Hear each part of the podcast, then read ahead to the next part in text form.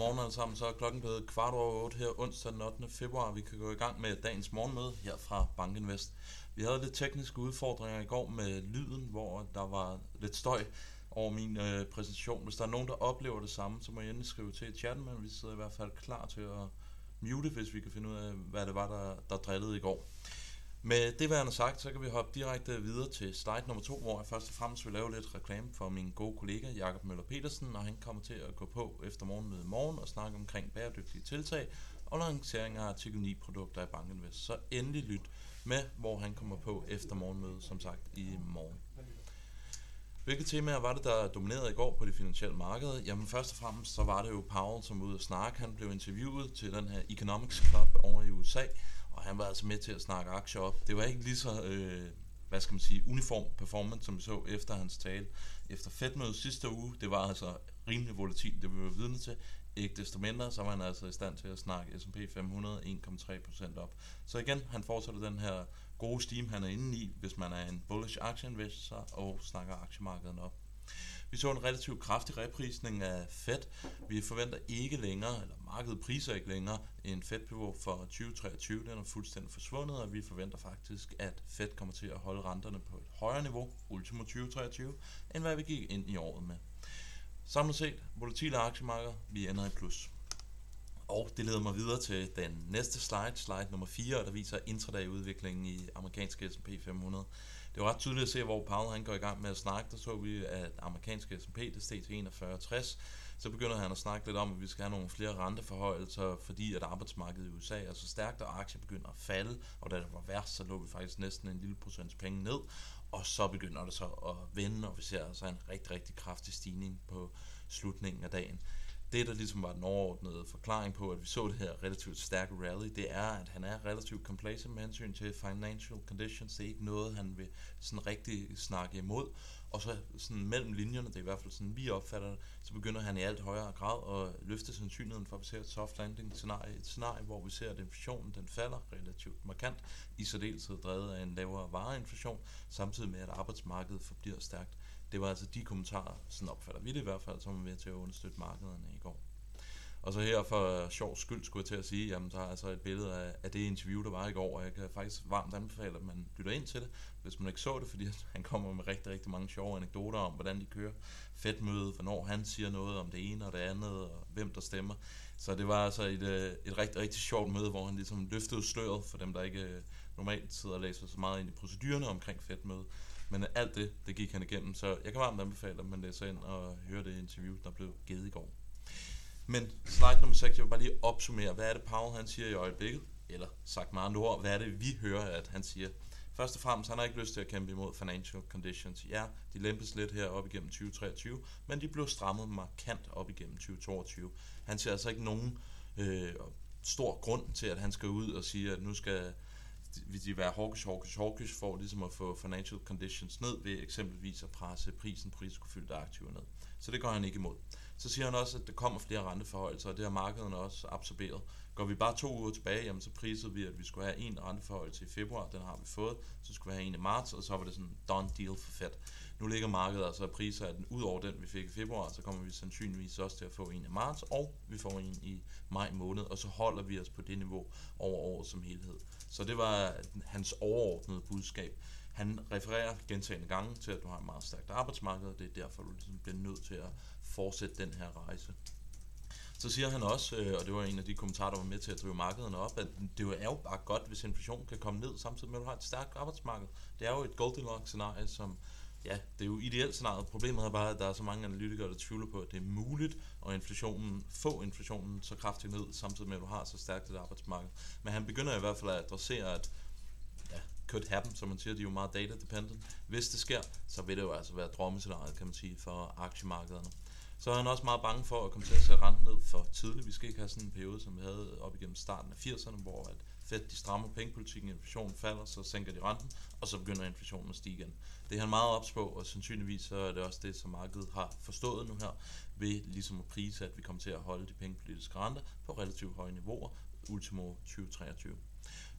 Endelig, så siger han det her, som de stort set har sagt de sidste 10 år. Fed, de er data dependent, de kommer til at reagere på baggrund af data. Det er altså ikke verdens mest kontroversielle statement.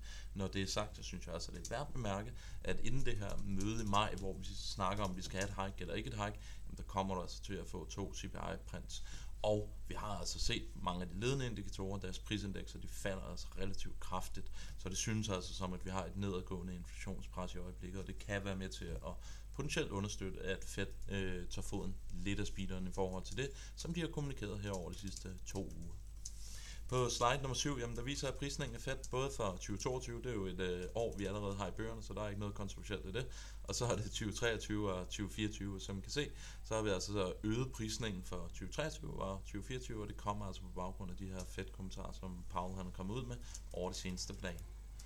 Hopper vi til slide nummer 8, jamen der viser jeg så, hvor mange renteforhøjelser, øh, som markedet priser ind fra Fed, og som man kan se, så priser vi, at der kommer en 25 punkters renteforhold i marts måned. Det er stort set done deal. Og så priser vi altså så, at øh, Fed de skal hike yderligere en gang, om det bliver maj eller juni, det er sådan lidt op for debate, men det bliver i hvert fald sandsynligvis i, i en af de måneder. Vi hælder nok til, at det bliver i, i maj måned, hvis vi virkelig skal være i detaljedivisionen.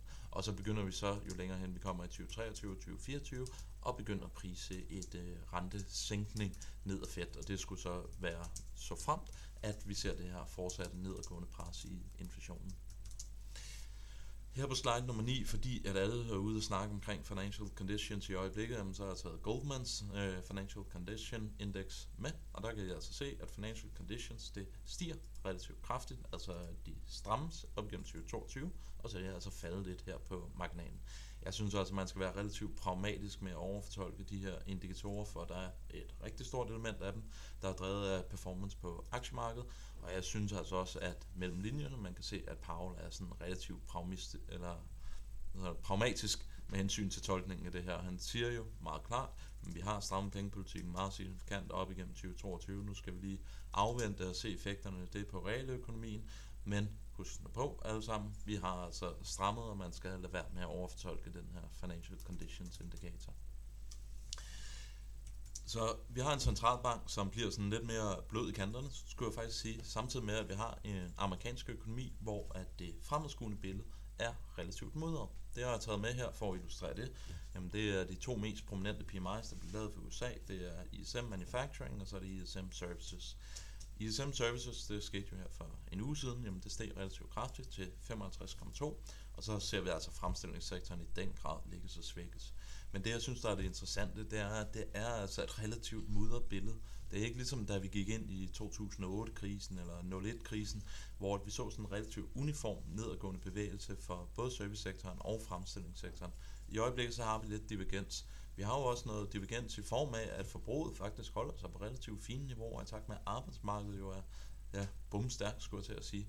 Så det er altså på ingen måde et sådan meget entydigt billede af, at den amerikanske økonomi direkte er på vej ind i en recession. Jeg synes stadigvæk, at recessionssandsynligheden er høj, men med de her tal, vi får, så er den altså på marginalen i hvert fald faldende. Og det er jo så det, aktiemarkedet reagerer på. Når der sker noget nyt, jamen, så skal det også aflejes i priserne, og det er også det, som vi ser her i starten af 2023. Og så her som den sidste graf, så har jeg bare taget 12 måneders forward P med for amerikanske S&P 500, og den hedder altså 18,6. Det er altså rigtig, rigtig svært at sidde og, og regne hjem, at aktier det skal stige på de her niveauer. Hvis man gør det, jamen så køber du altså ind i nogle aktieniveauer, der er de højeste siden øh, tiden efter coronakrisen og øh, tiden op i øh, slutningen af 90'erne. Så der er altså noget meget, meget høj valuation, som vi ser i øjeblikket. Nu har jeg faktisk ikke taget det med her i øjeblikket, så nu vil jeg bare sige det i ord, og så muligvis tager jeg det med i morgen. Men vi sad faktisk her i, fra morgenstunden, så så vi lidt på, hvordan udviklede valuation sig op igennem coronakrisen, dengang hvor vi alle sammen var meget bange for øh, væksten, og hvor vi sad og lavede bogstavslag, bogstavslag på en daglig basis.